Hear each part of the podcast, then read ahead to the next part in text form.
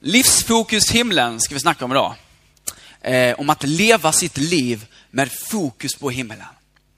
Eh, för mig har detta varit, vad ska man säga, det här ämnet i Nya Testamentet eller i Bibeln, väldigt revolutionerande. Att himlen är inte bara något som är i framtiden. Himlen är inte bara något som är eh, verkligt, fast som, jag, som inte jag är i kontakt med. Att Jesus sitter i himlen, Filip Rosén, vill du lägga till bort kuben? Du har klarat den med munnen hörde jag, stämmer det? Ja. Vilken kille. Ja. Kul att se dig Filip. Okej, jag kommer av mig lite där. Eh, men himlen är inte bara någonting som visserligen är verkligt, Jesus sitter där på Faderns högra sida, men som jag inte är i kontakt med. Himlen är inte bara det. Det är inte bara något som är sant, som är liksom över mitt huvud. Och sen lever jag mitt liv här och jag, jag har ingen kontakt med himlen. Det som varit revolutionerande för mig, vad jag sett i Nya Testamentet, det är att himlen är öppen för oss nu idag. Vi kan liksom stiga fram inför nådens tron, står det i Bibeln. Vi kan komma inför Gud i himlen idag. Himlen är öppen för oss. Om du kan förstå detta, eller om vi kan förstå detta, kommer det revolutionera hela våra kristna liv. Jag lovar dig. Att himlen är verklig. Det är, på, eh, det är på riktigt. Det är nu det är på riktigt. Visst, det är ett framtida moment. Vi, vi ser det inte med våra ögon just nu. Vi ser det i tro, vi skriver Bibeln. Eh, och i framtiden så talas det om att himlen kommer komma ner till jorden. Men redan nu så lever vi uppkopplade till himlen som kristna. Himlen är redan nu öppen för oss i tro. Vi ska tala mer om detta, att leva med fokus på himlen och vi ska gå till Kolosserbrevet kapitel 3. Kolosserbrevet, det är någonstans mitten i Nya Testamentet eller längre bak egentligen i Nya Testamentet. Eh, efter Filipperbrevet, före första Thessalonikerbrevet. Kolosserbrevet kapitel 3.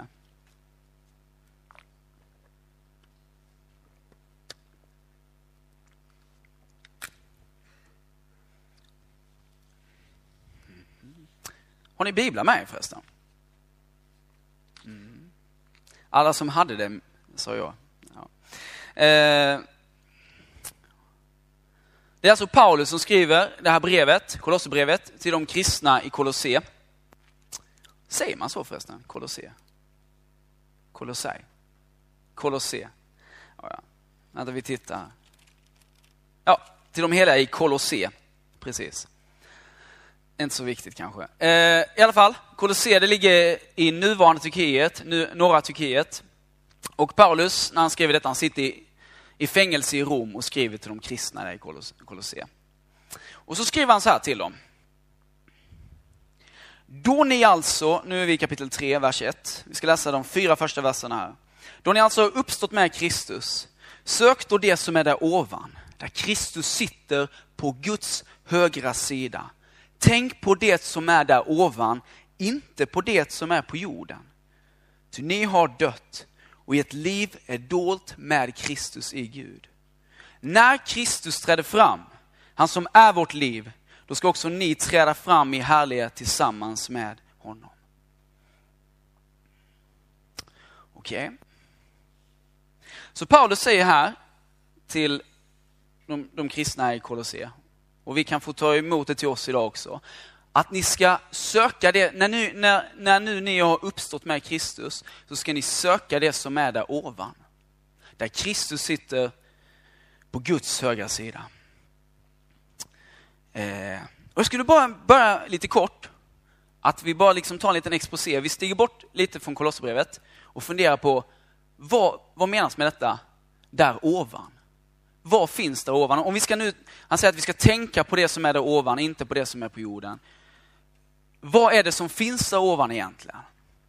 Vad är det vi ska tänka på? För det står inte bara att vi ska tänka på Jesus som är där ovan, utan vi ska tänka på de sakerna, skulle man kunna översätta det faktiskt, som finns där ovan. Det som finns där ovan, där Kristus sitter på Guds högra sida. Så vad är det som finns här ovan?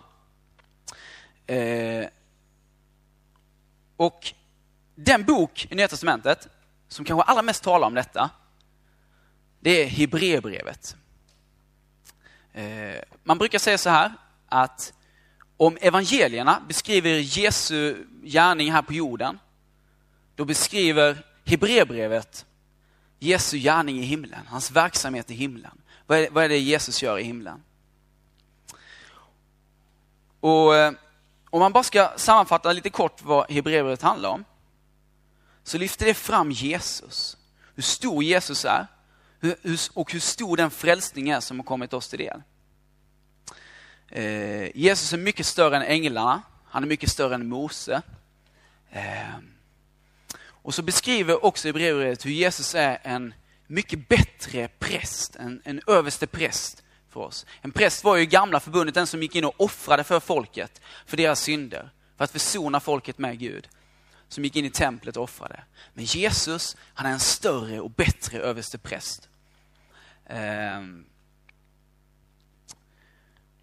Och nu var det så här att när Israel var i öknen i gamla testamentet, eh, då befallde Gud Mose att Israel skulle bygga ett tabernakel, ett tält. Och I det tältet skulle Gud uppenbara sig för Israel. Eh, och efter samma modell så byggde man templet i Jerusalem sedan.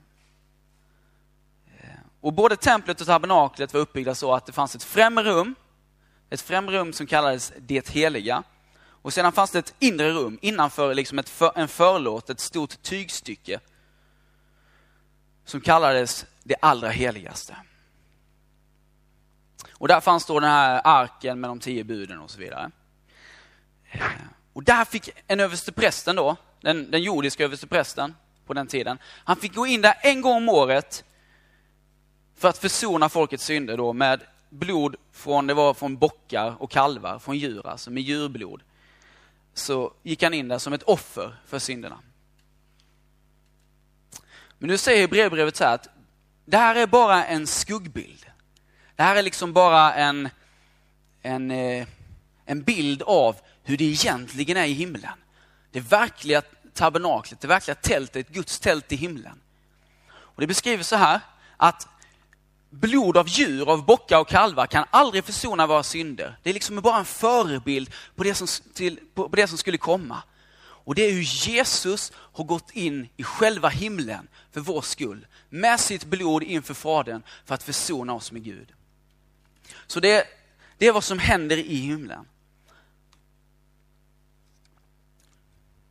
Jag skulle bara vilja läsa det här från Hebreerbrevet 10. Ni kan följa med dit om ni vill, eller kan jag bara läsa det för er. Hebreerbrevet 10, vers 11.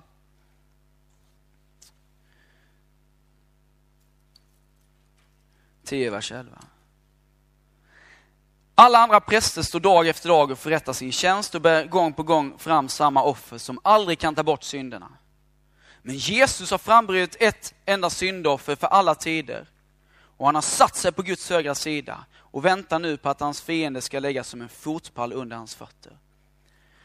Och läser man lite tidigare i 9.24 står det att Ty Kristus gick inte in i helgedomen som en jord med händer och som bara en bild av den verkliga helgedomen. Alltså det var en bild av helgedomen i himlen. Han gick in i själva himlen för att nu träda fram inför Guds ansikte för vår skull. Så vad händer i himlen? Jo, Jesus har gått in där för oss, för vår skull, för att försona oss med Gud. Ehm, det står också på ett annat ställe att han för vår talan inför Gud. Ehm, Jesus står det också att han ber för oss. Han sitter på Guds faderns högra sida och ber för oss. Ehm, så vad som händer i himlen har väldigt mycket med oss att göra.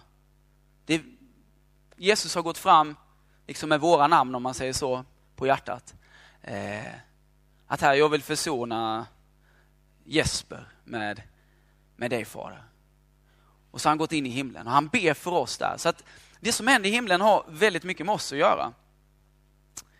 Eh, I himlen där finns det inget ont, allting är gott.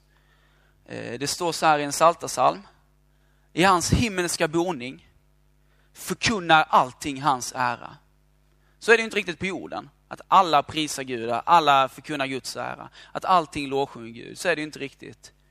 Det är väldigt mycket våld, krig. Eh, vi kan bara sitta i våra egna liv. Eh, det finns väldigt mycket brister. Men i himlen, där är det inte så. där förkunnar allting Guds ära.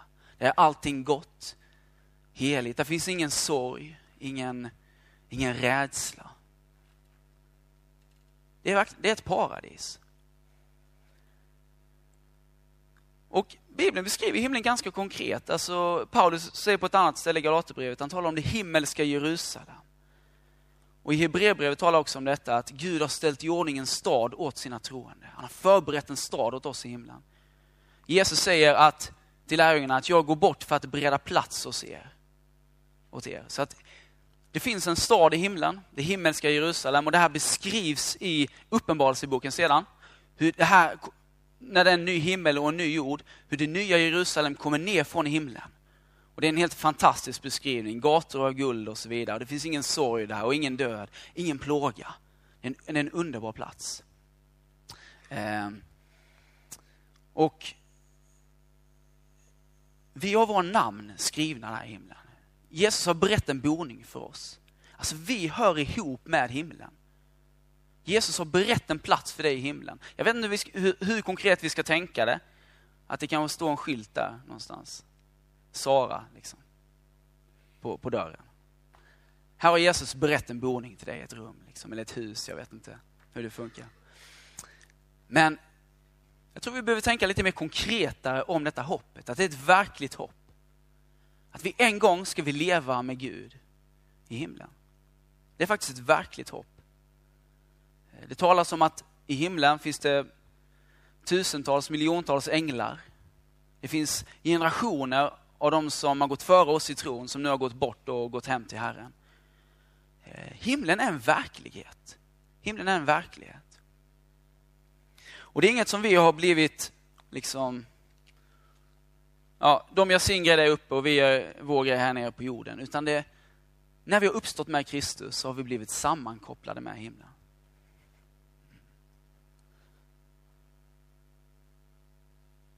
När Paulus säger detta, att han, vi har uppstått med Kristus, nu är vi tillbaka i Kolosserbrevet.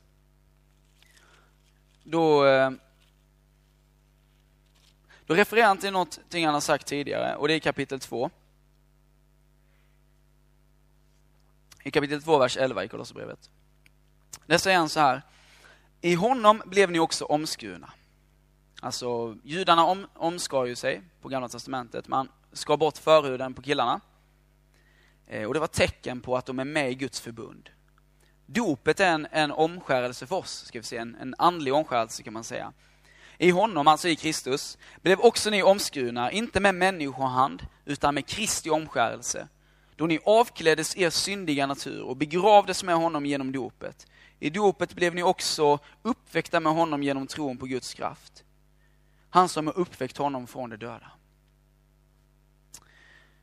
Så i dopet så dog vi med Kristus, vår gamla natur begravdes och vi blev en ny människa. Vi uppstod med Kristus. Och när vi uppstod med Kristus, då uppstod vi till ett helt nytt liv. Eh, I Efesierbrevet 2.6 säger Paulus så här, att han har uppväckt oss med honom, alltså med Jesus. Gud har uppväckt oss tillsammans med Jesus och satt oss med honom i den himmelska världen, i Kristus Jesus. Vi är satta i den himmelska världen, det jag beskrev innan. Eh, en plats där det finns evig frid, glädje, så mycket liv. Vi är satta där i Kristus Jesus. När vi döptes så uppstod vi med Kristus i dopet till ett helt nytt liv. Himlen öppnades för oss. Och därför, säger Paulus, sök det som är där ovan. Så himlen är inte, det är inte bara en fin tanke, liksom, någon fin teori som vi sjunger någon sång om någon, någon gång som är väldigt långt borta. Utan himlen är någonting som är väldigt nära oss egentligen. Och på ett sätt, alltså andligt sätt eller man ska säga, så är vi i den himmelska världen. Vi är satta där i Kristus. Vi hör hemma där. Eh, I Efesierbrevet 1.3 säger Paulus här, Välsignad är vår Herre Jesu Kristi Gud och Fader, som i Kristus har välsignat oss med all den himmelska världens andliga välsignelse. Vad betyder det? Jo, att allt i himlen, allting du kan tänka dig, allt som är gott, rätt, rent, all vishet, all godhet som finns där, allting, allting som Gud har, det finns tillgängligt för dig. Du har redan blivit välsignad med det, det har givits dig. Och det är inte bara på något sånt här tekniskt sätt, liksom, att Gud har skrivit på ett papper att eh, Daniel, han har, han har alla välsignelser i himlen. Och Daniel, han har aldrig märkt något av det. Liksom. det. Det var en fin del, han fick alla välsignelser i himlen. Men han, han har aldrig märkt något. Utan det är något påtagligt i våra liv. De himmelska välsignelserna, vad, vad Gud har i himlen. Det är inte bara för framtiden, utan det är i detta livet. Som Gud vill att vi ska leva av himlen, leva med vårt fokus på himlen och leva, ta emot från himlen. Ehm, Petrus säger så här i sitt brev, första Petrusbrevet. Han talar om Jesus, att honom älskar ni utan att ha sett honom. Och fastän ni ännu inte ser honom, tror ni på honom, jublar över honom i obeskrivlig himmelsk glädje. Obeskrivlig himmelsk glädje. Har du upplevt det någon gång? Obeskrivlig himmelsk glädje. Det finns för oss. En obeskrivlig himmelsk glädje. Det går inte riktigt att förklara för någon vad det innebär. Man måste erfara det. Och det är Paulus, han, han ger sig faktiskt inte i hän här på att förklara så mycket vad som finns där ovan. Även om, nu har jag gjort det. Men, men Paulus säger i Kolosserbrevet, han säger sök det som är där ovan. Där Kristus sitter på Guds högra sida. Och jag vet inte, men kanske är det att Paulus vet, att det här måste erfaras. Du måste göra resan själv, du måste söka själv det som finns där ovan. Men det är på ett sätt det, här som är evangeliet. Att Jesus har gått in, öppnat himlen för oss, så att vi kan ta del av det som finns i himlen. Vad är det som finns i himlen? Jo, där sitter Jesus på Guds högra sida. Och om vi fortsätter läsa där i Kolosserbrevet då, kapitel 3, vers 3. Så säger han, eller om vi tar från vers 2. Tänk på det som är där ovan, inte på det som är på jorden. Ty ni har dött och ert liv är dolt med Kristus i Gud när Kristus träder fram, han som är vårt liv. Han som är vårt liv. Vad finns i himlen? Jo, där finns ditt liv. Hela din säkerhet för evigheten finns där. Jesus, ditt liv. Så med andra ord, i himlen finns det något som är vårt. Det är vårt. Det är vårt liv som finns i himlen. Har ni hört den här sången någon gång? Om jag ägde allt men inte Jesus, vore livet värt att levas då? Om jag ägde allt men inte Jesus, vore livet värt att levas då? På ett sätt kan vi säga att vi äger Jesus. Vi har honom. Han är vår. Det finns något i himlen som är ditt. Och himlen är öppen nu för dig. Att du kan komma in, du kan komma inför Jesus. Leva av honom. Bli fylld med den heliga Ande. Och eh, Man kan ju äga många ägodelar liksom. Vi kan, man kan tänka, åh den här min polare, han har köpt en ny moped. Ja, ni är lite äldre än mopedåldern kanske. Dålig bild. Han har köpt en ny eh, dator. En ny Mac, Macbook Pro eller något sånt. Och den är mycket finare än min dator. Vilka fina ägodelar han har. Eller tänk om han ägde liksom värsta schyssta bilen. Kanske någon som börjar närma sig 18 här ska ta körkort. Tänk om han hade den här finaste bilen. Alltså, då, då var ju liksom livet, livet vore som gjort då. Jag vore så lycklig om jag hade den här schyssta bilen, om jag hade alla de här kläderna. Men tänk att du får äga Jesus, tänk att du har Jesus. Du kan när du vill bara vända dig till honom. Är inte det bättre än allting i denna världen? Att du får äga Jesus. Och så tänker vi, ja det är en jättefin tanke liksom, och det är jättebra och så här. Men men, och sen så är det ändå viktigt, liksom, sen så är det ändå egentligen kanske viktiga med alla kläder och allt, allt här på jorden. Att det, är egentligen, det är egentligen det som spelar roll, det är den verkligheten vi lever i och så här. Men det är därför Paulus säger så här, tänk på det som är där ovan. Våra sinnen är så enormt inställda på det som är här på jorden. Vi är så fästa vid det, så även, även när vi hör det detta, och Jesus Vägen till himlen är öppen. Du kan, du kan få lära känna Jesus, du kan få leva i en underbar gemenskap med Jesus. Jesus kan få vara din bästa vän. Så det liksom, det bara studsar, vi reagerar inte på det. Och Det är för att vi är så fästa vid det jordiska. Vi har liksom klamrat oss fast vid så mycket jordiska ting. Att när vi hör det här, liksom det studsar bort. Våra hjärtan är inte öppna för det. Ja, det är väl jättebra, men det är ju egentligen, vårt tankesätt är så jordiskt. Det är ju egentligen viktigare vad mina kompisar tycker om mig. Det är ju egentligen viktigare att jag har alla de här fina kläderna. Det, är ju egentligen, det spelar egentligen större roll. Det är därför vi behöver rikta in hela vårt sinne, hela vårt tankesätt. Nu när vi har uppstått med Kristus, när vi har blivit kristna. Det tar inte stopp där. Det är inte bara en 70 år lång väntan på himlen. Utan det är nu det börjar. Det är nu vi ska förvandlas och bli lika Jesus. Det är nu hela vårt sinne ska ställa in oss mot den himmelska världen, mot Jesus. Det är nu det börjar.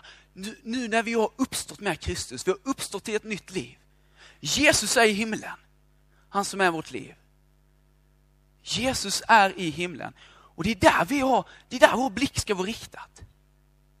Men det är så att våra, vi har ställt in vårt sinne väldigt jordiskt. Så att det blir viktigare för oss. Vad, ja, det kan vara att en chipspåse är viktigare för oss än Jesus. Alltså, ja men faktiskt. Oh, jag orkar inte gå och hämta chipspåsen, jag, kollar och tittar, jag sitter och tittar på film. Liksom. Eller, är ni med, är ni med vad jag menar? Att därför behöver vi på något sätt rikta om hela vårt tankesätt. Det är det här som är, det är den kristna vandringen. Att rikta om hela vårt tankesätt på det himmelska. Tänk på det som är där ovan, säger Paulus. Sök det som är där ovan. Liksom. Eh, det här tänka, det är på grekiska. Eh, ska man översätta det verbet så här, att rikta in ditt sinne på något. Alltså ställ in hela ditt sinne på det himmelska. Oj, oj, alltså det här är en sån enorm, vi liksom, det kanske nästan gör ont när man hör det här. Alltså, man kan känna att jag är så långt bort, borta från detta. Mitt, mitt sinne är så riktat mot det jordiska. Det är det enda jag tänker på, det jordiska. Jag tänker nästan aldrig på himlen kanske man känner. Jag kanske tänker på någon gång, ja det var ju fint och så här. Men det är inte så konstigt att, inte det, att detta inte är så verkligt för oss. För vi tänker aldrig på det. Men börjar vi tänka på det, då börjar det bli verkligt för oss. Och det är inte bara för att vi tänker på det, utan det är för att det är verkligt. Och när vi börjar söka det, då är det faktiskt som att himlen, då är det, som, då är det så att himlen öppnas. Och vi börjar ta del av det som finns i himlen.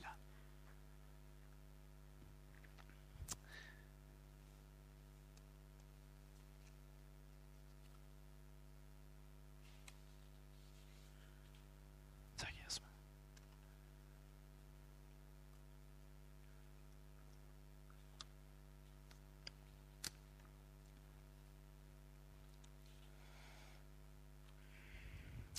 Tänk på det som är där ovan, inte på det som är på jorden. Ty ni har dött och ert liv är dolt med Kristus i Gud. När Kristus träder fram, han som är vårt liv, då ska också ni träda fram i härlighet tillsammans med honom. Eh, vad innebär detta, vers 3? Att vi har dött och vårt liv är dolt med Kristus i Gud. Det är en ganska knepig vers kan man tycka. Det låter ganska mystiskt och så här. Vi har dött och vårt liv är dolt med Kristus i Gud. Vad innebär det? Jo, när vi dog med Kristus i dopet, när vi döpte så dog vi med honom. Det kan låta väldigt dramatiskt. Men vad, men vad det var som hände, vad som hände var att vår gamla människa dog. Vår gamla natur, den syndiga naturen. Eh, Paulus säger så här i Galaterbrevet 2. Jag är korsfäst med Kristus. Och nu lever inte längre jag, utan Kristus lever i mig. Nu lever inte längre jag, utan Kristus lever i mig. Det har alltså skett ett totalt skifte av vem det är som har herraväldet, av vem det är som lever egentligen i mitt liv. Att jag har dött med Kristus, det innebär att jag lever inte längre. Nu är det Kristus som lever i mig. Att jag har dött med Kristus, det innebär att mitt liv är inte mitt eget längre. Mitt liv handlar inte om mig längre. Utan jag har uppstått med Kristus till ett nytt liv. Där det inte handlar om mig själv längre, utan där det handlar om Jesus. Så det är inte så konstigt att Paulus då säger att sök det som är där ovan, där Kristus sitter på Guds högra sida. För det är det vi har uppstått till, att leva för honom. Eller hur? Det är inte min vilja som spelar någon roll längre. Faktiskt inte. Det är inte mina begär och mina önskningar, jag vill ha det här och det här. Det är inte det som är i första rum längre. Utan det är vad Jesus vill. Sen blir det såklart så att när jag lär känna Jesus, när jag älskar honom, då blir det att det som Jesus vill, det vill jag också. Men det har skett ett totalt skifte.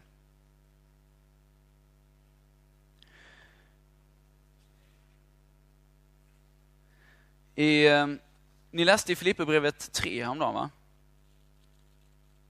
Man behöver bara bläddra någon sida bak i Bibeln.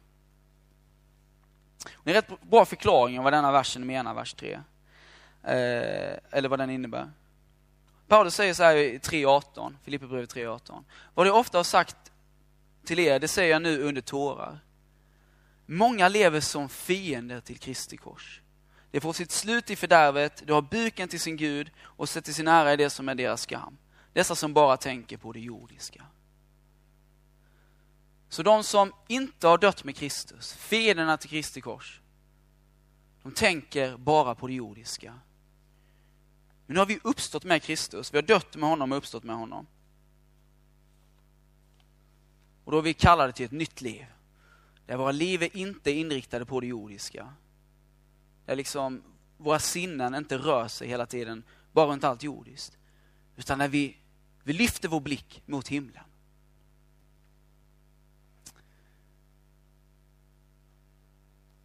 Att vårt liv är fördolt med Kristus och Gud, det innebär att vårt liv, vår glädje, vår mening här på jorden, alltså meningen med vårt liv, det finner vi inte här på jorden. Är du med? Att Jesus, Jesus är vårt liv, eller hur? Det har vi läst här. Han är i himlen. Du kan söka vad du vill. Du kan ha det bästa livet här på jorden. Du, tänk om du vore populärast bland alla dina kompisar. Alla nästan bara avgudar dig. Liksom. Att du, ja det kanske inte man längtar efter. Men, men, eh, men tänk, att, tänk det bästa livet på jorden. Att du har goda vänner och att liksom allting, allting är frid och fröjd och det, liksom, det händer aldrig något jobbigt. Och du, du har pengar så du kan köpa vad du behöver och, och så vidare. Och, du, och så, oj, så träffar du den världens finaste tjej liksom, eller världens finaste kille. Och så här. Alltså liksom allting är bara perfekt och så här. Då är det fortfarande så att ditt liv, du finner inte det här på jorden. Även vad du än har här på jorden, så är det fortfarande så att ditt liv är i himlen. Och Det här innebär att visst, vi gör mycket saker här på jorden. Vi, vi kan ha härliga intressen som vi investerar i och vi, det kan vara saker vi är intresserade av, som vi studerar och så vidare. Och vi har goda vänner, vi hittar på roliga saker och sånt här. Men det är inte det som är vårt liv. Det är inte det som är vårt liv faktiskt. Utan det är Jesus som är vårt liv. Och jag kan tänka mig så här, att för många av oss, många av er, att det kan kännas som en liten omställning. Att ni tittar på ert liv och tänker att det är inte riktigt så här, att Jesus är mitt liv. Alltså inte i praktiken, att jag lever så här. För mig är det många, många andra saker som är betydligt viktigare. Och det är då vi behöver göra det här. Att börja sätta vår blick, sätta vårt tankesätt. Söka det som är där ovan. Där Kristus sitter på Guds högra sida. För att på något sätt bara rikta om hela vår varelse. Till att, till att eh, leva det livet vi var tänkta att leva.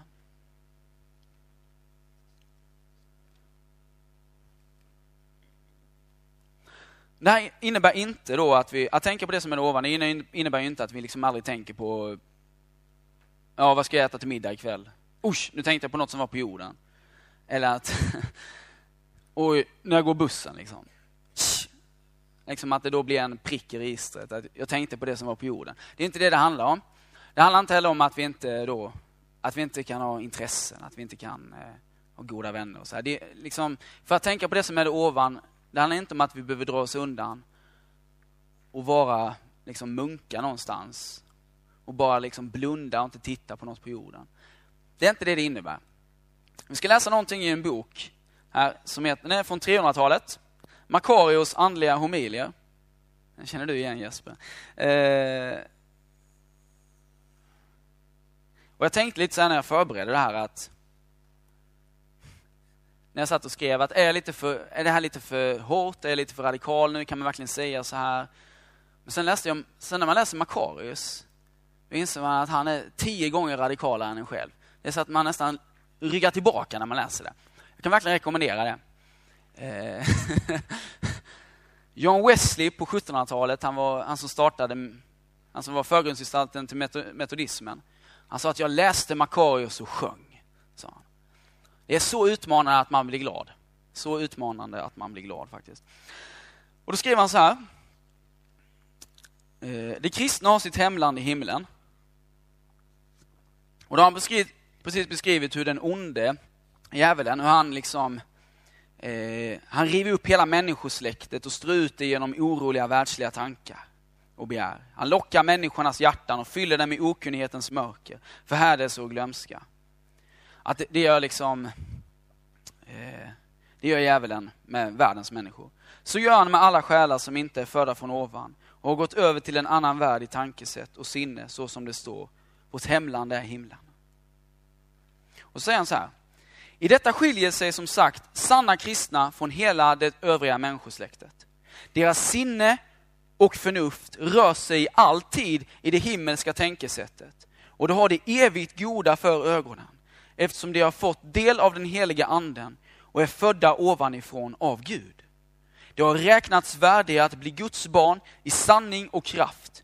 Och de har uppnått stadga och fasthet, lugn och frid genom många strider och mödor under lång tid. De blir inte längre sållade och anfäktade, alltså attackerade typ, av flyktiga och tomma tankar. I detta är det större och bättre än världen. Därför att deras sinne och själens tänkesätt vilar i Kristi frid och andens kärlek, liksom Herren också sade till dem. De har övergått från döden till livet.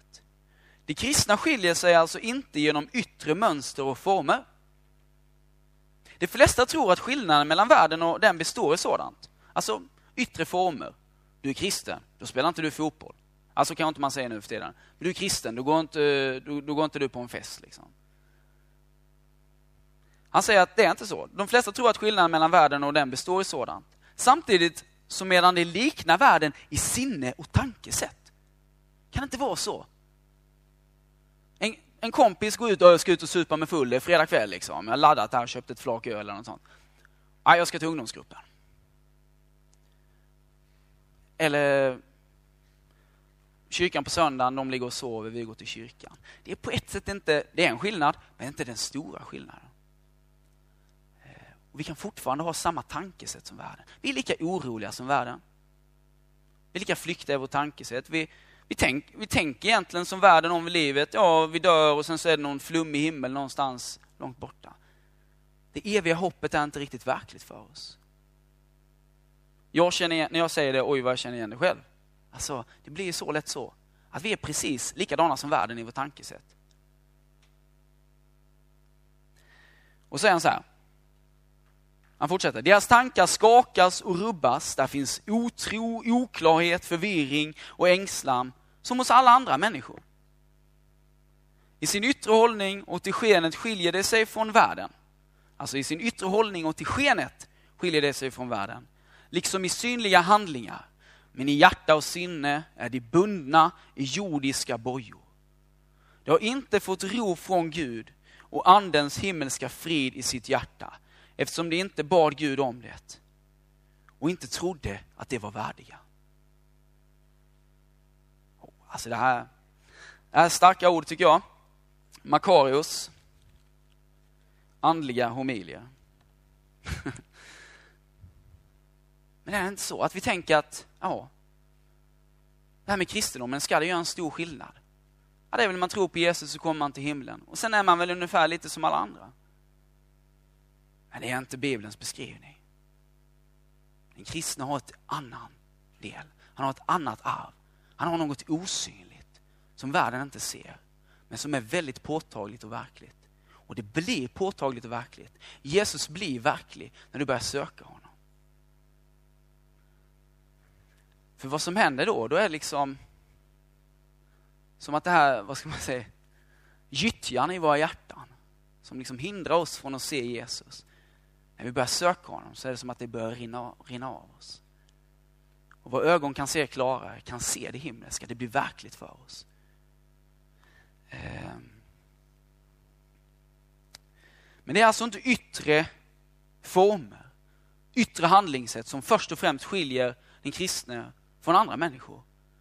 Utan det är vårt, vårt sinnelag.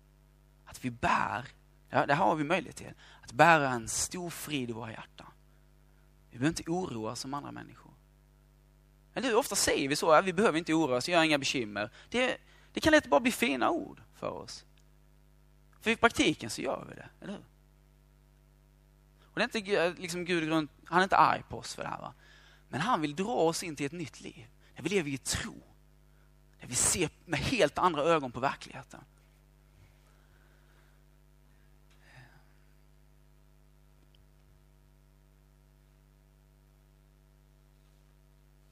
Bara säga en kort kommentar här. Och det är inte så att eh, på denna tiden fanns det en riktning som hette gnosticismen.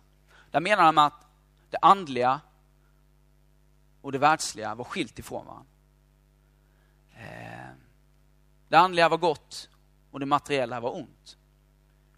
Men det här går Bibeln totalt emot. Den här läran fanns i Kolosseum också, men Paulus går emot den. Eh, och visar på att genom Jesus, i Jesus så är allting skapat. Skapelsen är något gott. Eh, det jordiska är det goda. Eller det jordiska, liksom det materiella, det är gott. Men människan var aldrig tänkt, vi har aldrig tänkt att ha vårt, ha vårt begär till det jordiska. Att leva för det jordiska.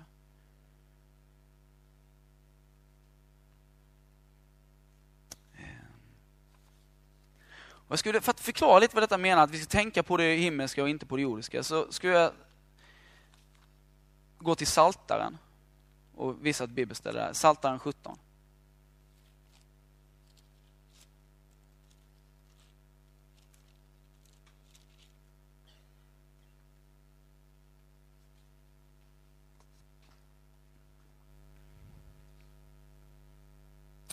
Psaltaren 17, vers 14.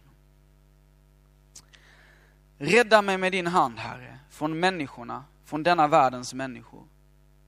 Som har sin del i detta livet och, vilkens, och vilkas buk du fyller med dina gåvor. De har söner i mängd och lämnar sitt överflöd till sina barn. Men jag ska se ditt ansikte i rättfärdighet. Jag ska mättas av din åsyn när jag vaknar. Alltså världens sätt att leva, världens människor, de har sin del i detta livet. Det finns inget annat. Meningen med deras liv, syftet med att de, som, med att de finns, det finns i detta livet. Och det är inget fel med det här liksom eh, god mat och, och, eh, och eh, ett överflöd på ägodelar och sånt. Det är inget ont i sig. Men problemet är med den här världens människor, att de har sin del. Det är deras djupaste trygghet och glädje. Men David talar här om att hans del är något annat. Men jag ska se ditt ansikte i rättfärdighet. Jag ska mättas av din åsyn när jag vaknar. Jag ska se ditt ansikte i rättfärdighet. Jag ska mättas av din åsyn när jag vaknar. Alltså den här världens människor, det är, så fokus på mycket av, av det jordiska. Men för den kristne så finns det faktiskt ett, det finns en, det finns en helig enkelhet. Att mitt arv, mitt liv, det är Herren.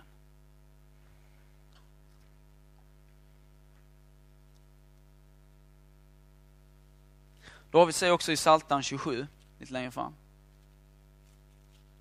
Vers 4.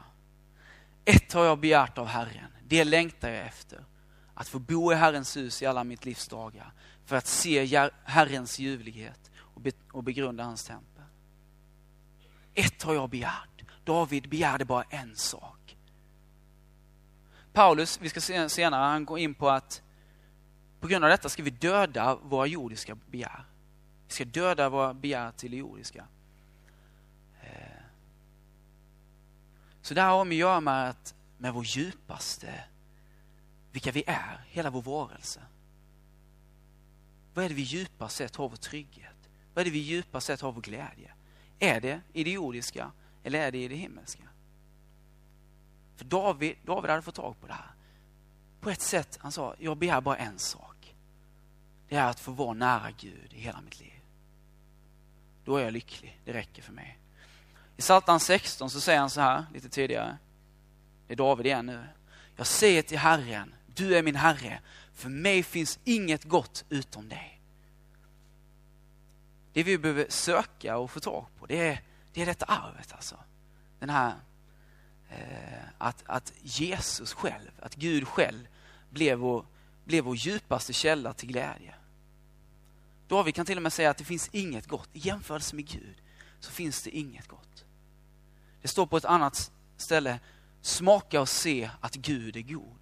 När vi börjar smaka att Gud är god, då smakar inte annat längre lika bra. Synden smakar inte längre. När vi börjar smaka och se att Gud är god. Då blir vi liksom sålda på Gud. Ehm, vi tar en paus där fortsätter sen.